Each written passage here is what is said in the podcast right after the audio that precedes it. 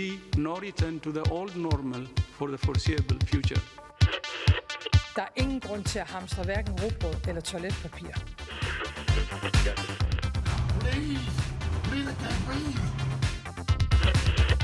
No politician in history has been treated worse. To use this beautiful game to actually change the world. поблагодарить всех, кто сделал свой ответственный выбор. We will succeed, and that success will belong to every one of us.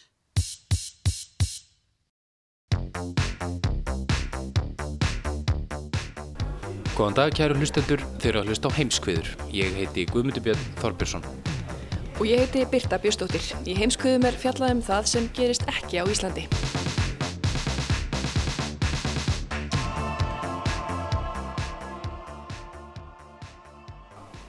Við ætlum að reyna að standa undir nafni í dag og flytja ykkur kviður frá mismunandi heimshortum. Já, og í dag heyrum við sögur frá Eþjópíu og frá Palestínu og svo frá Argentínu.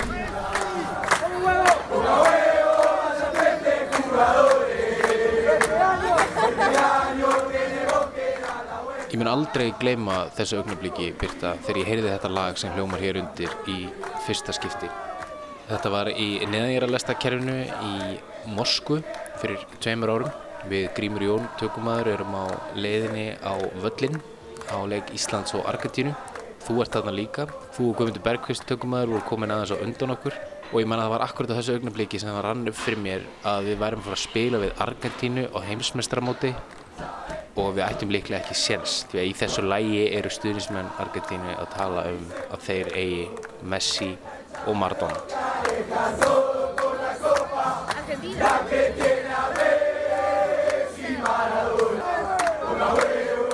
Og maður sá það þarna sko, við, við beggi sátum þarna á leiknum í hafi, um svo krækibri helviti innan um engungu Argentínum en Maradona satt þarna mjög nálátt okkur, það voru svona tíu sæti á milli okkar og hans og maður sá sko að áhangandur liðsins sungu til liðsins sem var á vellinum en ekki síður til hans sem satt þarna eins og kongur upp í stúku.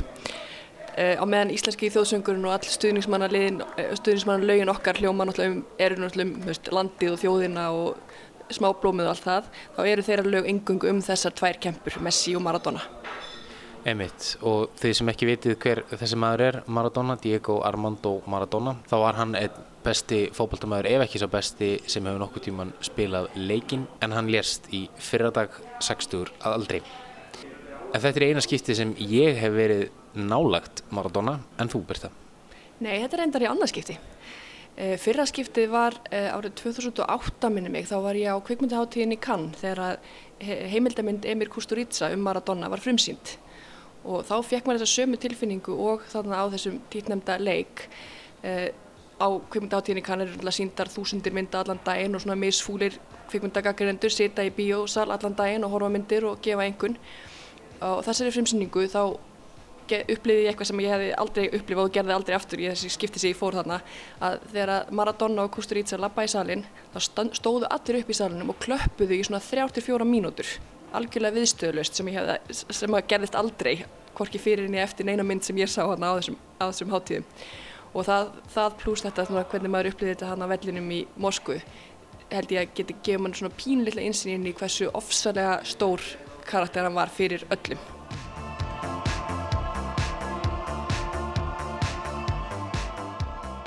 Þversögnin í kristinni trú er svo að Jésús Kristur er á sama tíma Guð og maður. Flestar Guðfræðikenningar síðustu alda ganga át á það að Guð sé í eðli sínu fullkomin, án veikleika. Og í því endur speklast hinn djúpa gjá milli Guðs og manns, hins fullkomna og hins ófullkomna, hins sterka og hins veika. En hvað er þá sá sem er bæði Guð og maður? Jésús síndi mennsku sína á krossinum þegar hann ákallaði Guð föður, fadir, fadir, hví hefur þú yfirgefið mig? Og svo deyr hann. Guð deyr á krossinum, Guð er dauður. Já, Guð er dauður. Það var fyrirsögn franska blaðsins Le Monde og hins belgiska Le Soir, Dieu est mort, í gerðmorgun. Dios está muerto, sagði Marka á Spáni. Þískublöðin Bild og Die Zeit fluttu sömu harma fregn. Gott ist tot. Þrætu uppli Guðfræðingam aldir er list. Guð er dauður.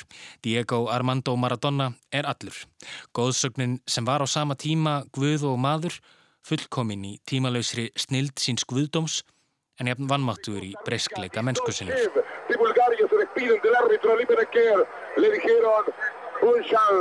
Guð sem holdgerðist í manni þann 22. júni 1986 á Azteca-vellinum í Mexikoborg þegar hann þeistist upp völlin gegn englendingum í áttaliða úrslitum heimsmestramótsins, rendi boltanum á liðsfélaga sinn Jorge Valdano en Steve Hodds, miðumar englendinga, komst inn í sendinguna og reynda hrinsa boltan burt.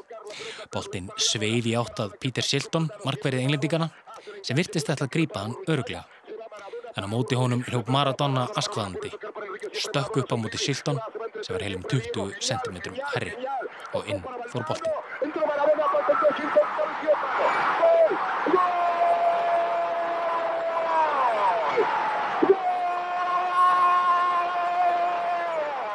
Við fyrstu sín virðist sem Maradona skalli boltan í netið en endur síning sínir svo ekki verður umvilst að svo lávaksni slær boltan inn með hendinni. Þetta var hönd Guðs, sagði Maradona eftir leikin. La mano de Dios.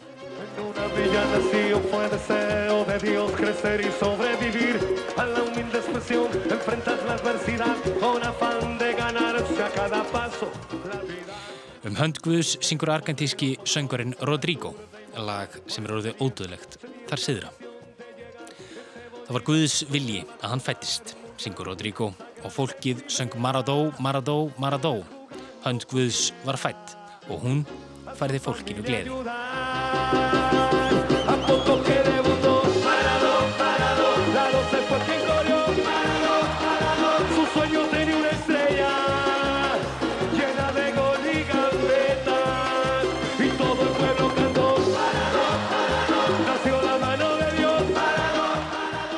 En Maradona hafði ekki lokið sér af á Azteca vellinum. Innungus örf á mínútum síðar er hann aftur á ferðinni. Hann far boltan rétt aftan við miðju vallarins, spænir fram hjá hverjum englendingnum á fætur öðrum og skorur mark sem gerðan er talið eitt fegusta mark allra tíma.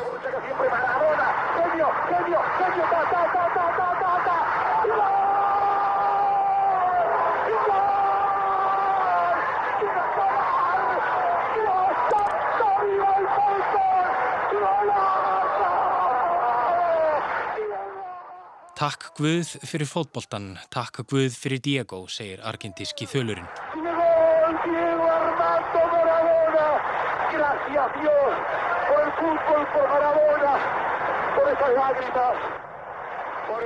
Á fjóru mínútna kabla hefur heimurinn fylst aktofa með þversögninni holdri klædri. Fyrst sáu þau breyskleikan, síðan fullkomnunina. Og þannig var Diego Armando Maradona alla sína tíð. Í honum tóguðist á þessi tvö öll í mun ríkari mæli en í okkur flestum. Hann lést af völdum hjarta áfalls á heimili sínu í Buenos Aires þann 25. november, 60 að aldri.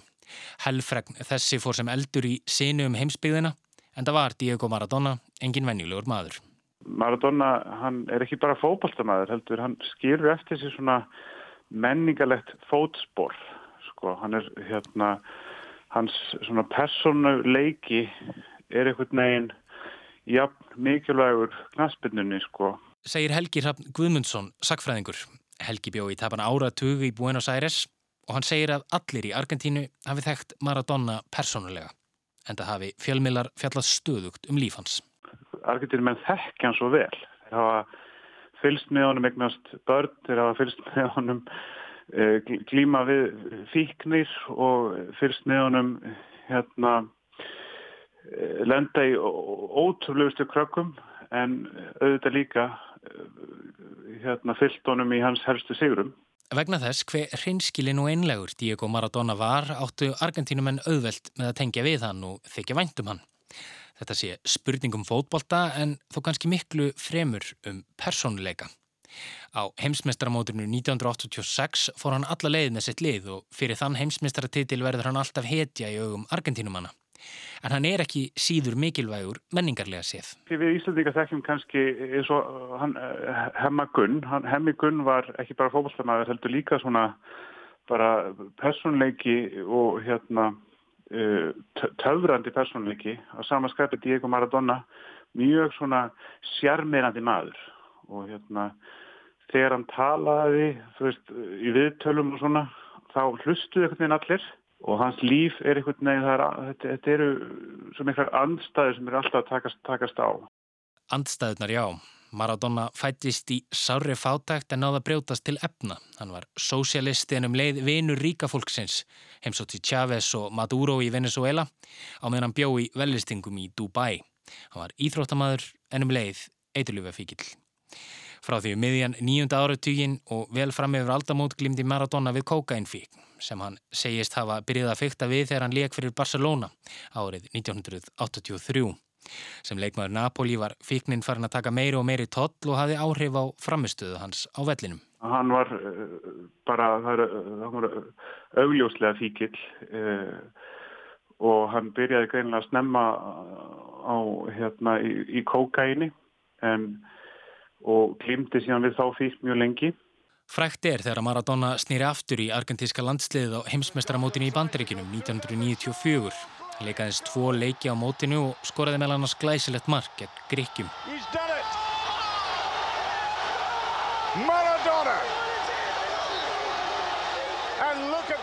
Eftir setni leikin sást hvar Maradona var littur af velli í fyllt sjúkraliða. Hann fór í livjapróf og fjall. Í blóði hans greindist efedrín og var hann rekin úr liðinu. Hann áði sér aldrei á stryk sem fótbóltamaður eftir þetta.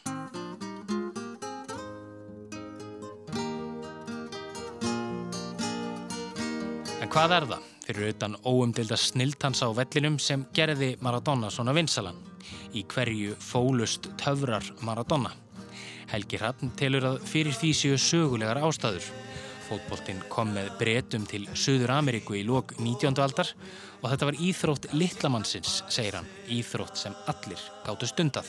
Og, og verður svona þjóð einingar afl í Suður Ameríkulöndum, til dæmis Brasilíu auðvitað, en, en líka tímanlöst í Argentínu þar sem að sko, þetta eru frekar ný ríki sem fá sjálfstæði þarna á fyrirluta 19. aldar hvernig ætlar að samina fólk í risastóru landi sem er kannski af mjög ólíkum uppruna.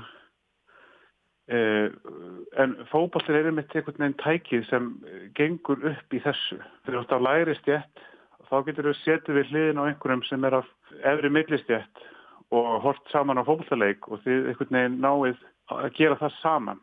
Og ég held að Maradona sé ymmið svona fullkomin málsvari fyrir þetta.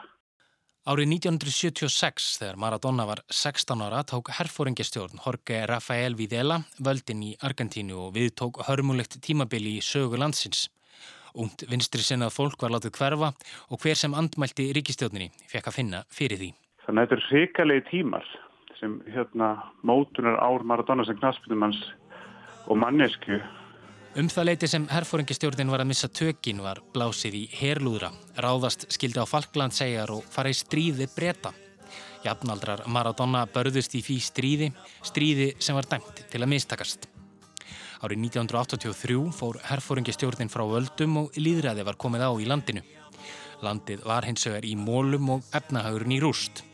En framöndan var heimsmestramótið í Mexiko. Þannig að það er samhengið fyrir 1986 þegar að uh, Maradona leiðir Argentinumenn til sigur síðan keppni að ekki, það er ekki bara það að þeir vinna náttúrulega englendingana sem var svo tákgrænt eftir þetta stríð um, heldur gáttu þeir verið ánæðis með sig loksins eftir mjög mörg ömulega ár. Þegar Maradona lifti byggarnum í Mexiko má í raun segja að hann hafi orðið ódöðlegur. Hann hafði þegið hjálp frá Guði í tvígangi leiknum við englendinga. Guð hafði sveikt reglunar fyrir hann en líka ljáð honum krafta sína. Ekki einu sinni færustu skáld hefði getið orrt þetta ljóð. Emitt og það er mitt allt við líf Diego er svona eins og ljóð eða skálskapur að hérna hann fer alltaf eigin leiðir. Það er alltaf þessar andstæðar að takast á. Það er, eru þessir miklu hæfileikar en líka þessir óbóðsluðu gallar. Glemum ekki hann er bara 26 ára. Sem sagt þarna Mexiko 1986 en samt verður hann svona hann, hann, hann, hann er þjóð einingar afl gössanlega og hérna þannig að það er svona samengi fyrir sko af hverju hann er svona stór fígúra í Argentínu. En saminningartáknið Diego Maradona fór ekki bara sínar eigin leiðir inn á vellinum eða með því að vera háður kókaini. Allt sem hann gerði vakti eftirtækt. Hann giftist æsku ástinni Kládju Viafanji og egnaðist með henni tvær dætur. Það samband gekk ekki upp og árum samanliði Maradona lífi glömgósans. Hann stundaði skemmtana lífið af miklum krafti og eftir hann laði skóna á hilluna, fittnaði hann mikill. Það var til þess að hann fór til kúpu í magamingunar aðgerð og meðferð við hennum ímsu kvillum. Og þar verður hann besti vinnur Fíters Castro það er svo margt svona í lífan sem er alveg ótrúlegt. Það nátti ótrúlegustu vini. Þetta var einmitt allt einhvern veginn svona. Til eru ótal sögur af Maradona í hennum furðulegustu aðstæðum. Svo furðulegum að vart er hægt að trúa. Hann Gaddafi einræðis herra í Líbju. Hann heldur upp aðmalið sitt og býður Maradona í það. Þannig að þá fljúa þeir félagarnir til e, Líbju, keira lengst inn í Eidumörkina, e, þar sem að Eh, veistla er haldinn til heiðus Gaddafi og það er allir þar konur í slæðum og svona hangið til hendi veifað og, og konurna kasta af sér klæðunum og einhver ótrúlega og förðulega veistla fyrir gang. Svona liði Maradona. Hann, þetta er bara æfitri líkast en líka, þetta er svona óhugnalegt og svona, e, þetta er svona, hann liði einhvern veginn í kolsvartri nóttinni líka sko. Og það var í nóttinni Kól Svörtu sem maðurinn Maradona, ekki Guðinn, síndi sig. En það var líka þar sem hann var elskaður hvað heitast. Í frábæri mynd bosníska leikstjórans Emirs Kusturica um snýllingin má sjá Maradona stíga á svið á bar og syngja lag söngoskaldsins Rodrígos um hönd Guðs, lag um sjálfan sig. Á hann hlýða vinir og vandamenn þar á meðal eiginkonan fyrirverandi og dæturnar tvær. Einlegnin skínur augum Maradona þegar hann syngur. Ef þú hlustandi góður heyriðin einhvern syngja um sjálfan sig er ekki óleiklegt að þú fengir kjánarhóll en ekki þegar þú horfir á Maradona syngja um hönd Guðs. A mi familia ayudar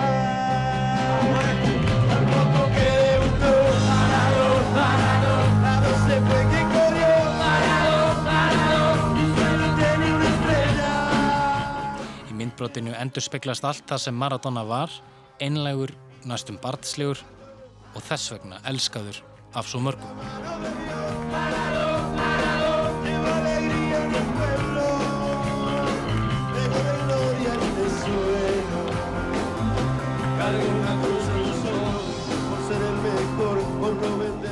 Helgi segir Argentínumenn nú sorgmæta þegar við mist náinn vin og sviðið sé tómlegt.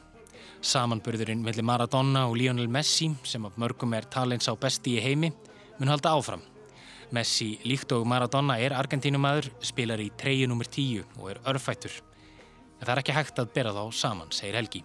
Fólk til dæmis í Argentínu þekkir ekkert Messi, það veit eða ekkert hver hann er uh, af því að hann hefur aldrei opnað sig svona eins og Maradona gerði og þess vegna þetta snýst allt um personleikan frekar en rauninni fótboltan sjálfa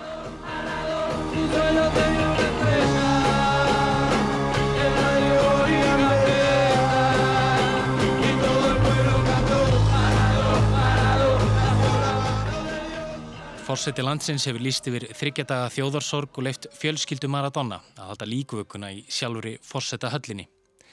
Það má því slá því föstum að Maradona fái ofinbera útför. Kanski að mörguleiti er, er, er stjórnvöld þar að hegða sér á svona pínlítið populískan hátt en það er samt ekkert skrítið samt að hann fáist líka útför með að við að vera svona frægasti sónur þessara þjóðar.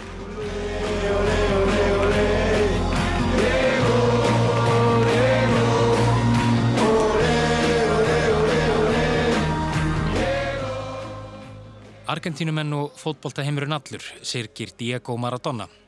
Það næsta sem komist hefur fullkomnun hefur verið frá okkur tekið.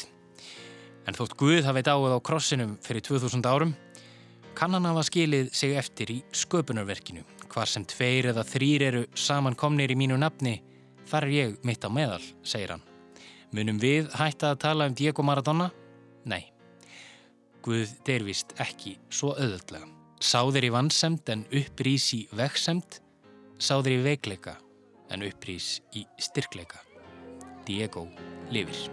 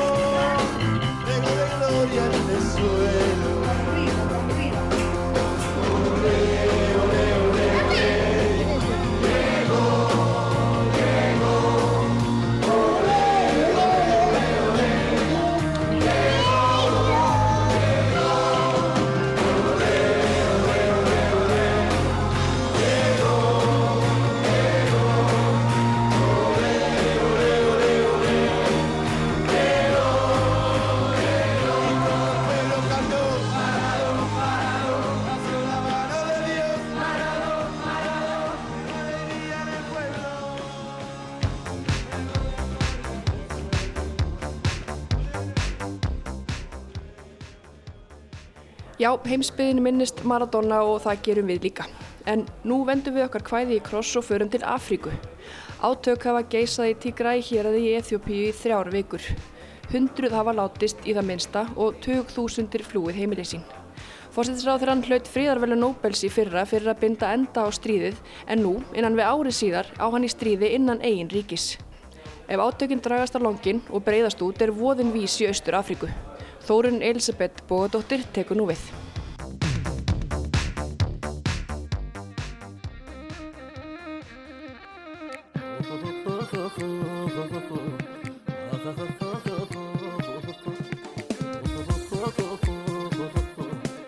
Eþjópía er elsta sjálfstæða ríkið í Afríku. Það var aldrei nýlenda og ríkið er næst fjölmennasta ríki álfunar. Þar búa um 110 miljónir manna. Menningararfur Eþjópíu er einstakur. Það er einn elsta kristna kirkjan í heiminum og þar var keisaraveldi allt til ásins 1974 þegar Valdarán var framið og marxistar tóku stjórn.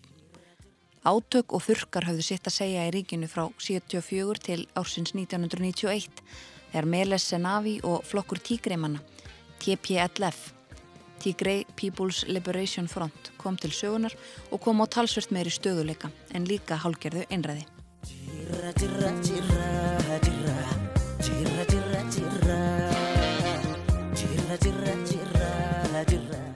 Já, þetta er, þetta er náttúrulega svolítið flókið, hérna bara stjórnmálasagan í Eþjópiu er, er mjög flókin. Helen Maria Ólafsdóttir, sérfræðingur um öryggismál hjá saminuðu þjóðunum í Sómalíu, segir frá. En svona bara í mjög stuttu máli að, að 2018 kemur inn í, inn í hérna sagt, sem fóstisráður mikill umbóta sinni en áður en að hann kom til valda og það skal tekið fram að þetta er, er, þetta er svona svipað í Kína, það er eitt flokkur sem að ræður, þannig að þetta er eins flokkar ríki ef, ef, ef svo mórið komast. Ökonomist var þetta mjög slæmt ástandarna og þeir sem hafa komið til Eþjópíu þeir vita það að þetta var kannski frekar svona mjög svipa og eflaust hefur verið í Sovjetríkjunum þar sem að mikill skortur á vörum, landi mjög lokað og, og pólitískir anstæðingar í, í fangelsi og, og hérna internetinu stýrt og, og hérna alls ekki fjölmjölafrelsi og svo framins. En sem sagt það eru miklar óerðir sem að komast, koma hérna upp 2018 þar sem að fólk vil fá umbætur. Tonight at least four people are shot dead by security forces in Ethiopia's eastern Somali region. Árið 2018 bröðust út miklar óerðir og þá sagði fórsetisráþrann af sér. Í kjölfarið varð umbóta sinnin Abi Ahmed fórsetisráþra. Abi hafði þá nýlokið doktorsprófi í fríðar og átakarannsóknum frá háskólanum í Addis Ababa, höfuðborg Eþjópíu, en var líka þingmaður. Stóra máli hér er að það var sem sagt ákveðin hópur sem að rétt í þessum stjórnarflokki sem, heitir, sem er Tigray hópurinn og þessi Tigray hópur, það, hann er bara 6% af landsmennum, þetta eru 105 eða 110 miljónir þarna Þannig að það var lítill partur af landinu sem var, fór með öll völdin í þessum flokki. 2018 eru þessar óerðir og þessi maður er kosininn, hann kemur frá öðrum, sagt, öðru þjóður eða sagt, öðrum flokki uh, sem að sagt, er, uh, já, hann, mammas og pappi, ég man ekki hvort að mammas er kristinn og pappin muslimi eða öfugt, en hann var, var líka í hernum og hann er mjög þekkt flottur, þetta er mjög karasmi, ka, mikill hérna karakter og hann er þekktur fyrir það að geta þess að ég bara komið ólíkum hópum saman og hann kemur sem sagt frá Oromo-ætt bálkinu með, sagt, sem eru 33 eða 40% landsmann, þetta er stærsti efníski hópurinn í landinu. Hann hófst strax handa við ímsar breytingar.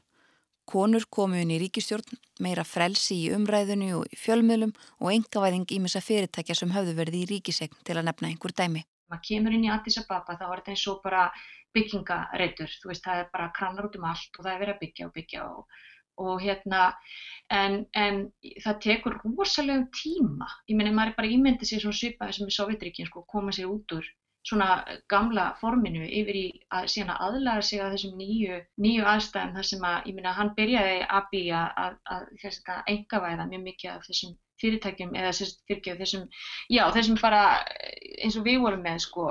En það mikilvægasta var kannski það að koma á fríði við nágrannaríkið Eritreu eftir langvarandi stríð. Fyrir það af rekklaut Abi fríðarvelu Nobels árið 2019. The Norwegian Nobel Committee has decided to award the Nobel Peace Prize for 2019 to Ethiopian Prime Minister Abiy Ahmed Ali. Síðustu tvö ár hefur verið litið með von til Eþjópíu og ríkið álitið möguleg fyrirmynd annara.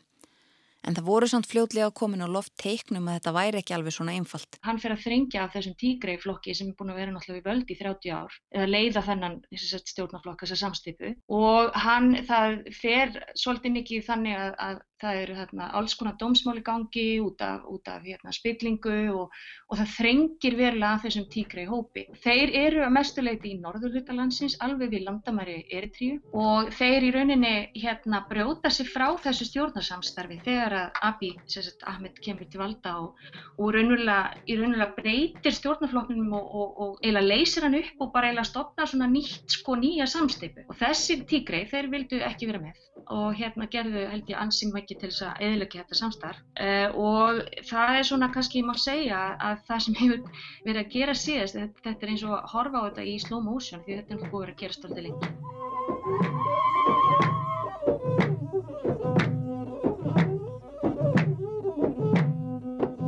Það átti að vera kostningar í ágúst og og hérna, en fórsetin, nei fyrir ekki, hérna, fórstinsraður Ennabi, að hann ákveður að fresta þessu út af COVID og þeir eru nú ekki ánæði með það í Tigray og þeir höfðu sínar eigin kostningar sem að síðan Addis Ababa sagt, taldi vera ólöglegar. En svo er það bara þannig að Tigray, sem, sem, sem, að, sem er hérna að kenna sig við Tigray People's Liberation Front, TPLF, þetta eru 250.000 ef ekki meira uh, manns sem eru sko þar að segja bara hér og þessi hérna hópur hann gerir árás á hérna herinn, sem sagt ethiópska herinn sem er hérna í norðlutanum og tekur undir sér stór landsvæði. Og, og það sem er líka hægtilt við það að þessi hópur hann hefur verið að, að því hann var átt í deilum við Eritríu en, en Abi sem sett fórstisáðura er búin að leysa þau mál að þá er eiginlega hálfgerð verið að brjótast út smá átökarn á landamærun og milli sko Eritríu og TPLF þarna í Tígraheraði.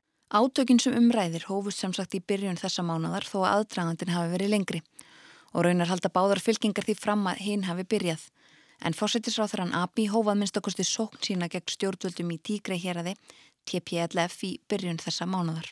Svo er annað í þessu líka að Abiy hann er, sko, þó að hann hafi komið inn sem rosalega umbóta sinni, að ef að fólk bara les svona það sem hann er að setja út á Twitter, þá er hann með, það er maskinni farin í gang, það er búið að loka tíkri hér aðeins algjörlega, það veit enginn hvað er að gerast þarna, nema það við vitum að, að stjórnarherinn, hann gerði árás á móti og hefur sennilega náð undir sér langt flestum landsvæðum aftur nema kannski hérna höfuborginni þarna e, í norðrinu með kelli, en það náttúrulega, þegar þetta er svolítið ætt við það sem við sáum náttúrulega undir síðustu stjórn, þegar allt er lokað, internetin lokað og mikið hörs-hörs í samnið þjóðarnar hafa þetta miklar ágjur af þessu uh, og bara út af líka bara marriðtindabrótum sem að verða í svona átökum. Á sunnudagskvöld kallaði Abi eftir því að tígreimenn gæfust upp innan þryggja sólarhinga. Þeir ættu enga aðra kosti í stöðunni. Herinn var einan við 60 km frá Mekelle, höfuðborg Tígrei, sagðan. Tígreimenn sögðu Abi verið að reyna að kaupa sér tíma með hótunum sínum og að reyna að hilma yfir þá staðrinda að herinn hans hafi orðið fyrir talsverðum skakkaföllum. Í skilabóðum í gegnum WhatsApp á mánudag sagði Debretsion Geber Michael, leiðtói TPLF, að ABI skildi ekki hverskins fólk hann væri að eiga við. Við erum prinsip fólk og tilbúin að deyja til þess að verja réttindu okkar til að stjórna hér aðein okkar sjálf.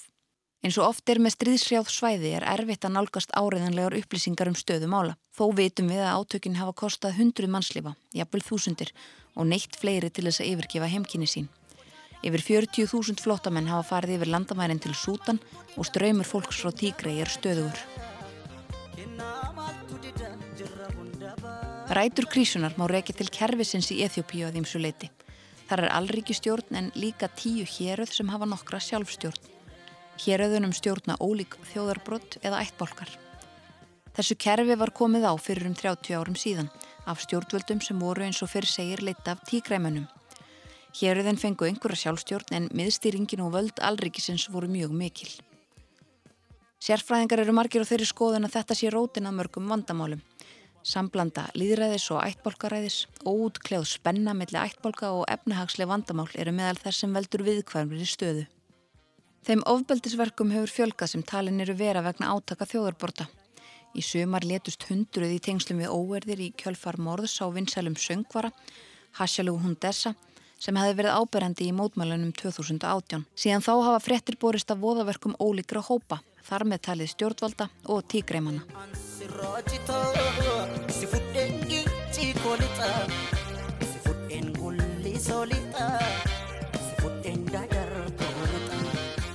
Nú þegar TPLF er í stjórnar andstöðu vill flokkurinn ekkert með allreikistjórnin að hafa og vill fulla sjálfstjórn í héræðinu. Fyrverandi fósættisráþara sem tók við eftir dauða Meles Senavi árið 2012 og var við völd til ásins 2018 hefur varað við því að gengið verðið að kröfum tígreimana. Verði það gert muni önnur þjóðarbróti í öðrum héröðum fylgja í kjölfarið og hafi þá fengið þau skilabóða ofbeldi borgið sig. Hann segir alþjóða samfélagið falla í þá grefju að óska eftir viðræðum og sáttum þannig að báðir gefi eftir og þá fái tígreimin meiri völdin þeirri í skilið. Fórsættisráþara núverandi, Abi Ahmed, hefur talað á sveipuðum nótum. Hann vil alls ekki afskipti alþjóða samfélagsins, segir að slíkt væri ólöglegt og óvelkomið. Þetta sé innaríkismáli í Eþjópíu og aðrir eiga býð eftir formlegri óskum aðstóð frá stjórnvöldum. Erindrekar Afrikubandalagsins eru engað síður mættir til Addis Ababa til að reyna að miðla málum og örgisráð saminuðu þjóðuna hefur fundaðu um málið og fylgist með. Átökin eru ekki engamál Eþjópíumanna vegna þess að stríði í Eþjópíu hefur áhrif á allt svæðið, Hortn Afriku, þar sem þegar er mjög óstöðugt ástand. En það er, er alltaf, það er rosalega litla fréttir að koma út úr tíkri hérraði og menn hafa mikla rákjörði af því að Eþjópíu er svona, það er búið að stabíl land í mjög mörg ár og í mjög, já við skulum segja bara, ef við horfum á löndin í kring að þá erum við náttúrulega að horfa á sko Sómalíu sem er náttúrulega ótrúlega erfitt uh, ástand út af því að það er ennþá Al-Shabaab og önnur átök. Uh, þú ert með Sútan uh, sem reyndar sem betur fer hefur náttúrulega verið að fara að gangi gegnum miklar umbætur og, og lítur aðeins betur úr og út, en svo ertu með Suðu Sútan líka það sem er náttúrulega er búið að vera mjög skellvöld ástand í mörg ár og eru ennþá átök mjög víða í Suðu Sútan. Þannig að þetta er ekki beinlinis Þannig að þú veist, það er fólk að reytja á það, Íþjópia og Kenya hafa verið þessi lönd þar sem hafa verið svona friðsamleg, þetta eru stórt áhugjöfni. Annað sem veldur áhugjum er að Íþjópiumenn er að draga herlið sitt frá nágrannaríkjum og friðargersluverkefnum sem getur líka haft áhrif á stöðuleikan og svæðinu. Því að Íþjópia líka með alveg rosalega mikið framlag í friðargersluna bara hjá samnið þjóðunum. Íþjópia held ég er með flesta hermenn í fríðargæslu samnið þjóna. Þetta er mjög vel þjálfaður hér en það er allir samanlega það, bara ef við höfum það í huga tíkri flokkurinn sem búin að vera við völdi í fleiri, fleiri ár, að með 250 ef ekki fleiri þúsund manns sem eru gráða fríðjáttnum, að það er engin eh, leið til þess að setla þetta með einhverjum hernaðar átökum og, og ætla að gera út um tíkreiflokkin hérna í norðinu, það bara gerist ekki þannig að þá er líklega að þetta haldi bara áfram sem einhver svona Já, átök hérna á landamærunum en, en það getur alltaf náttúrulega breyðist út og það er hættan. Á miðvöggdagskvöld rann út þessi frestur sem Abi gaf tígreimunum til að gefast upp. Þegar ekki varð af því fyrirskipaði hann loka sókn hersins, þriðja og síðasta skrefið, til þess að ná höfuðborg tígrei með kelli á sitt vald. Hann kallar þetta samt ekki hernaðaraðgerð, heldur löggæslu aðgerð. Abi sagði í skriflegri yfirlýsingu að herin myndi reyn eftir fremsta megni að hlýfa óbreyttum borgurum og takmarka skadan á mannvirki borgarinnar. Hann kvatti almenningi með kelli til þess að halda sig heima. Þar býrum hálf miljón manna. Helen segir að fólk hafi enn trú á því að Abi geti leist þessi mál en eins og staðan er í dag eru skilabóð hans mjög aggressív. Almenningur í landinu er búin að fá nóga fátækt óstöðuleika og átökum, segir Helen fólk vill ekki stríð, það er bara algjörlega búið að fá nóga þessu. Það vildi þennan mannin til þess að fá ekonomiskar umbætur og líka bara fólk þekkir það að stríðinu verið tríu, hvaða áhrif, þú veist, hvaða svona langvarandi átök, hvaða áhrif þau hafa og líka held ég bara út af pólitíska landslæginu vegna þess að Abiy Ahmed, Abiy Ahmed hann opnaði fyrir sagt, að hérna, stjórnar andstöðuflokkar gætu starfað og hann losaði rosalega um í fjölmiðlum og, en, en þegar það skellir á svona stríða þá er náttúrulega hættan á því að það verði fari, komið baksla í allar þessar umbætur sem að var búið að þó koma að. Þannig að það, það, er, það er líka, það er eitthvað sem að samnið þjóðnur eru mikið að horfa á. Það er mikil pressa á ABI að ganga ekki lengra, fara ekki meiri átök. Ef þau verða langvinn og miskunur laus eins og hætta er talin á, mun það valda óstöðuleika á þessu viðkoma svæði innan álfunur og það getur haft miklar afleðingar. Ég hef unni lengi á þessu svæði og þetta er bara, þetta er svo hryllilega, hérna, hvað segir maður, það, það, það þarf svo lítið til að allt fari í hund og köttirna og, og, og þetta hefur alltaf verið, e, allavega Eþjópia er svona, þú veist, er þarna á milli og það skal reyndar, við skulum átt okkur því að þeirra stjórn og hvernig þeir hafa geta stýrt sínulandi hefur náttúrulega líka þó að það hefur gert með svona ákveðnum, já, hvað er maður að segja, einræði, að þá hefur það náttúrulega þegar þú ert að díla við Suðu Sútan og Sómalíu að, að hafa sterkan hér og geta í rauninni, já, þetta er bara ákveðin stöðuleiki sem hefur verið þarna. Þannig að fólk er nörf, er stressað að þessi stöðuleiki, ef hann fer, þá er við með mjög, þá er þetta, þetta hotn Östur Afrika í mjög slæmi máli því að þetta, þegar fólk reyðir sig á þetta land sem svona stöðuleika landi.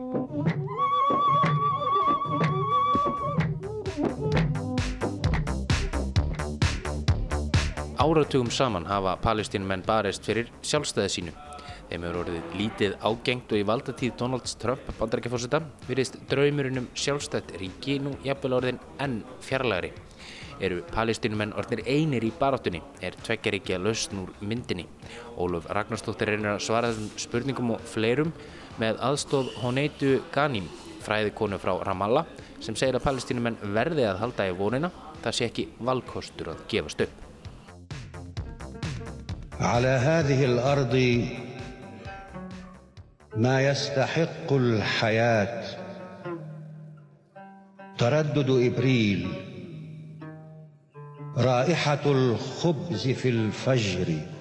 Staða Palestínu hefur áratugum saman verið ágreiningsefni. Með eða á móti, tveggjaríkja laust, hvað verður um þær miljónir palestínumanna sem hafa rakist á flótta frá stopnun Ísraelsríkis 1948. Hvað á að gera við landtökubyggðir Ísraela og Vestubakkanum og fólki sem þar býr? Hvað á að gera við Jérúsalem, borgina heilugu sem báðar þjóðir telja sína höfuborg? Vandin er ekki að fara neitt og engin laust virðist í sjónmáli. Saminuð þjóðurnar ákváðu eftir setni heimstyrjöldina að skipta landsvæðinu sem við þekkjum í dag sem Ísrael og Palestínu á milli gýðinga og araba. UN Partition Plan for Palestine eða áætlun saminuð þjóðana um skiptingu Palestínu var samþygt á allserjaþingi samtakana 1947. Gýðingar átt að fá 56% af landsvæðinu Arabar 45%. You imagine that someone come to Iceland and say, Wallah, we were here before 3000 years. I think this is our land. Go, go find a new land, a homeland for yourself. Ímyndið ykkur að einhver kemi til Íslands og segði, heyriði, við byggum hér fyrir 3000 árum, þið skulu fara og finna ykkur nýtt heimaland. Sagði Honeita Ghanim, palestinsk fræðikona sem við heyrum meira frá síðar í þessum pysli. Allavega, geðingar samþyktu skiptingu Palestínu, en það gerðu Arabar ekki.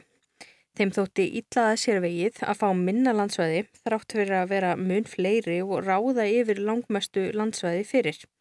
Þá þótti þeim landgeði lítil á þeim svæðum sem átt að falla þeim í skaut. Og til þess að gera langa og flóknasögu mjög, mjög stutta hafa þjóðirnar tvær deiltum landsvæði allar götur síðan og háðum það fjölda stríða og átaka. Allt frá sexdagastriðinu árið 1967 hefur Vesturbakkin verið undir herrnámi Ísraelsherr sem stjórnar því hver þar kemur og fer. En hvað sem því líður þá hafa rúmlega 70% allra ríkja sem eiga aðeldað saminuð þjóðunum þegar viðurkent Palestínu sem sjálfstætt og fullvalda ríki. Alls 136 lönd. Nánast öll eru í Asíu, Afríku og Suður Ameríku en í þessum hópi eru þó einni nokkur Evrópuríki.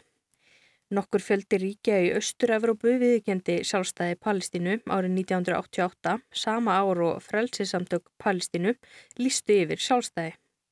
Lilla Ísland var svo fyrst ríkja í Vestur- og Norður-Evrópu. Ísland viðurkendi Palestínu sem sjálfstætt og fullvalda ríki með formlegum hætti í þjóðmenningarhúsinu skammu fyrir hádegi. Össu Skarpiðinsson, utanríkisráð þeirra, sagði þetta ógleimanlega stund. Þetta gerist í desember 2011 og nágrannar okkar í Svíþjóð gerur svo slikt til sama þreymur árum síðar. En fjöldi ríkja sem er tilbúið að viðkenna fullveldi Palestínu verið slitlu máli skipta þegar helsti bandamaður Ísraels er valdamesta ríki heims. Samband bandaríkjana og Ísraels hefur lengi verið stert. Til dæmis hefur Ísrael lengi verið það ríki sem fær mesta aðstóð frá bandaríkjunum. Frá árinu 2007 hefur þessi stuðningur nánast engungu verið í formi hernaðaraðstóðar. Það hafa bandaríkjaman marg oft tekið upp hanskan fyrir Ísrael þegar mál tengt Ísrael og Palestinum koma inn á borð öryggisráðs saminuðu þjóðana. Bandaríkin eru eitt fimm ríkja sem hafa neitunarvaldi í öryggisráðinu. Meira en 40 sinnum hafa bandaríkin nýtt neitunarvaldið þegar önnu ríki hafa lagt fram tillugur sem gaggrína framferði Ísraels gegn Palestínu. Sumar þeirra hafa snúið að landtökubyggðum Ísraela. Landtökubyggðinar eru ólöglegar samkvæmt alþjóða lögum. Ríki mánefnileg ekki koma upp byggð á landsvæði sem það hefur hernumið og flytja þánga fólk.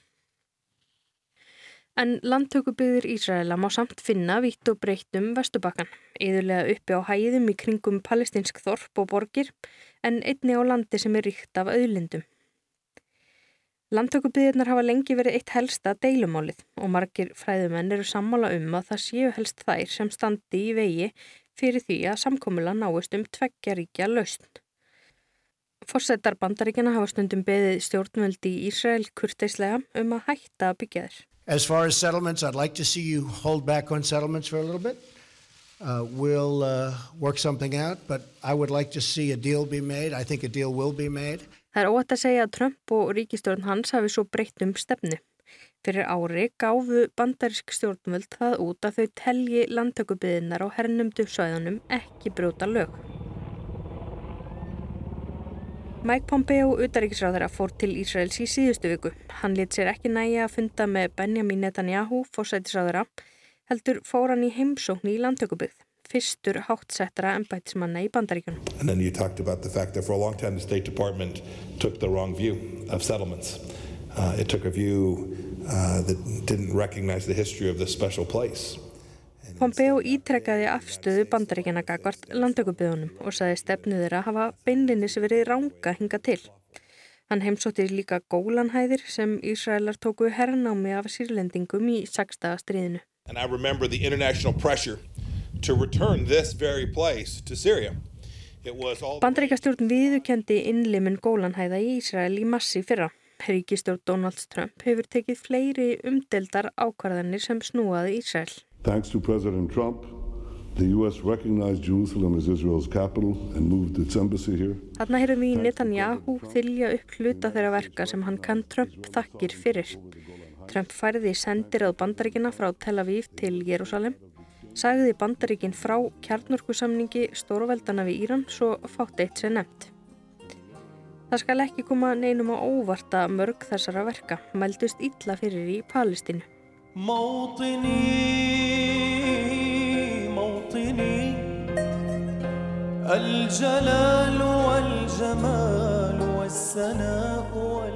Leið palestínumanna til sjálfstæði strengist og landsvæðið sem þeim stendur til bóða verður sífælt minna. Samt virðast þeir ekki gefast upp. Hvernig meta palestínumenn stöðuna í dag? Við sláum á þráðin til Ramallah. Honeita Ghanim er palestinsk fræðikona. Hún er doktor í félags- og mannfræði.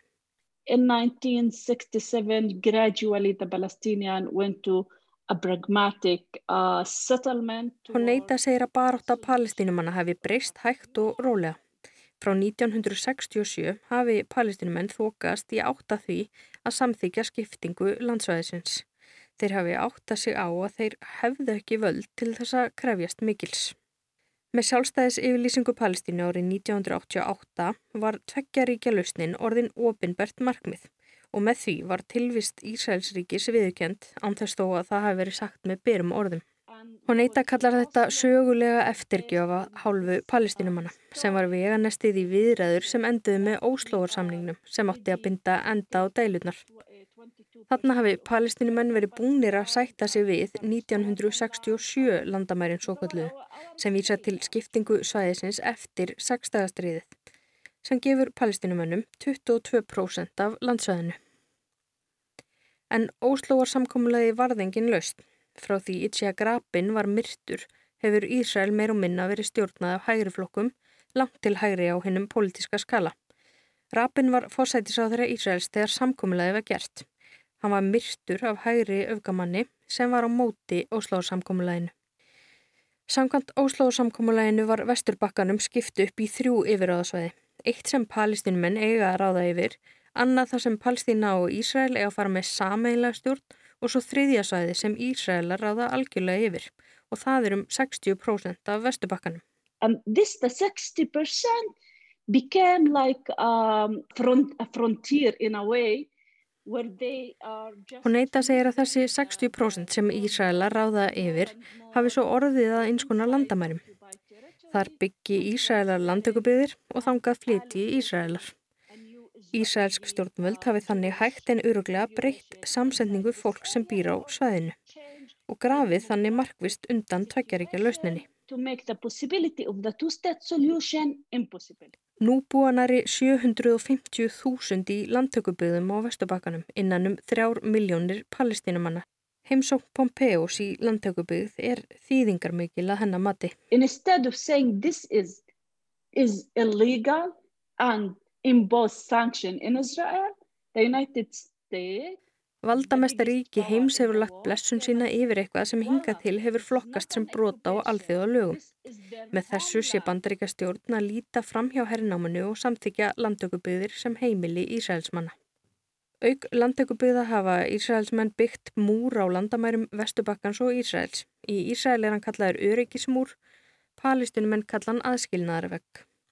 Þá eru eftirlitstöðvar hér og þar um Vestubakkan sem Ísraelskir hermenn manna og stöðva fólk eftir dúk og disk. We sometimes spend two, three, four hours on the checkpoint just to go to the work and to come back from work. So you can imagine the totality of the occupation. Stundum þurfum við að býða í margar klukkustundir á eftirlitstöðunum og leiði vinnuna, segir hún eitthvað. Herrnámið sé allt um líkjandi í lífi palestinumanna. Hún neyta segir að palestínumunum finnist þeir hafa reynt allt frá hernaði til friðsamleira lausna. Þeirra upplifun sé að þeir hafi brúðist samviskusamlega við óskum alþjóðasamfélagsins síðustu ár í vonum að tveggjaríkja lausninni verði loks framfyllt. And instead of ending this in a two-state solution, what happened? The annexation turned to be the only suggestion on table. Nú standi þeir hins vegar uppi með innlimun landtökubiða sem einu tillöguna á borðinu. Þar vísar hún til hins svo kallast samkommulags aldarinnar sem Trump og stjórn hans kynntu með viðhöfn í byrjun ás. Hallgrímur Indriðarsson fjallaði ítarlega um samkommulagið í 2003. þætti heimskviða. Í þerri umfjöllun saði Magnús Þorkell Bernhardsson, professor í nútímasögu mið-Östurlanda, samkommulagið í raun þýða yfirtöku Ísraels á landi Palestínu. Ég bendi ykkur sem viljið vita meira um þetta samkommulag og þá umfjöllunum í heimskuðum frá 7. februar.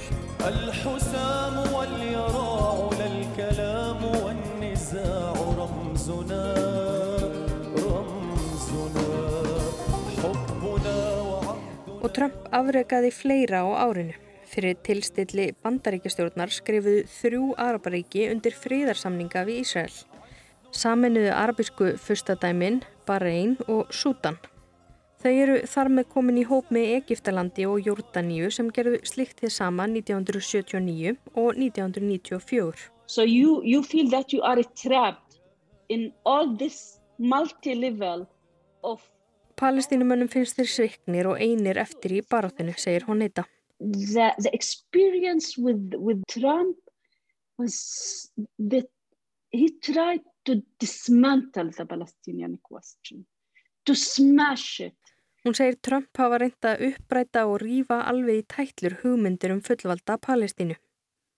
En nú sjáum við fram á valdaskipti í kvítahúsinu. Hverju mynd það breyta fyrir palestínumenn? Binda þeir miklar vonir við Joe Biden? Uh, to be honest with you, they have a high expectation. I don't. Fólk hefur miklar væntingar, segir hún. Sjálf stillir hún sínum væntingum í hóf. Hún neyta að teku fram að palestínumenn viti að bandaríkin eigi fullu fangi með sín eigin vandamál núna en eitt af fyrstu skilabóðunum sem hafa komið frá teimi Bidens varðandi Ísrael og Palestínu séu óvisa um það hvort sendiráðið verður fært aftur frá Jérúsalem til Tel Aviv.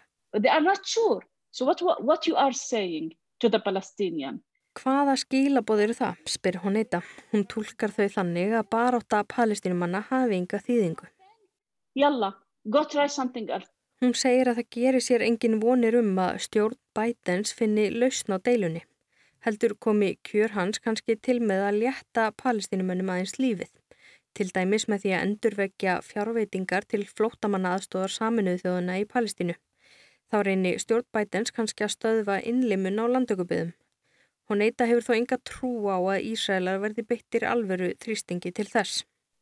The international uh, community failed them The Arabs failed them. Alþjóðasamfélagi hefur bröðist palestínumönnum önnur Araparíki hafa bröðist þeim, segir Honeta. Meira en 70 ár eru liðin frá stopnun Ísælsríkis. Palestínumenn eiga ekki enn sitt fullvalda ríki. Draumurinn um það virðist fjarlægast ef eitthvað er. Er Honeta bjart sín á breytingar á næstunni? Near future maybe not, but we can't give up. Það er ekki búið að gefast upp þótt útlitið sér svart núna, segir hún. Palestinumenn vilji gefa börnum sínum vonum að þau eigi framtíð þar sem þau fættust í sínu heimalandi. Hope, you know? I want my children to live here and to live with, with the feeling that they have a future here uh, in their homeland. Do you ever feel like giving up and maybe just moving somewhere else? No, that's not an option for any of us. Ég spurði hún eitti hvort hún hefði hugleitt að sjálfa hætta, gefast upp og flytja. Nei, svarar hún strax, það er ekki valkostur fyrir neitt okkar. Hvers vegna kunni þið að spyrja kæru hlustendur, hún eitt að svarar. Við vitum hvernig aðstæður flótafólks frá Palestínu eru í löndunum í kringum okkur. Það er ekki líf sem við viljum fyrir börnin okkar. Two-thirds of the Palestinians turned to be refugee in 1948. We know what it's feel to be a refugee. So we don't want our kids to be refugees. No. This is not an option. وخوف الغزاة من الذكريات Á þessari samantakt Ólafar okkar Ragnarstóttur endar þessi 50. og 70. þáttur af heimskuðum. Þennan þátt og alla hina 55 má hlusta á eða rifja upp á spilaranum á rúf.is og á öllum þeim hlaðvarpsveitum sem þið kjósið á nota hlustendur góðir. En nú fyrir við bara í undirbúa næsta þátt. Í honum heyru við nýja rött þegar kollegi okkar þreytir frumlunum sinna í þættinu. En við endum að vanda á því að þakka þeim sem hlýtu. Og heyrjumst svo aftur í næstu viku.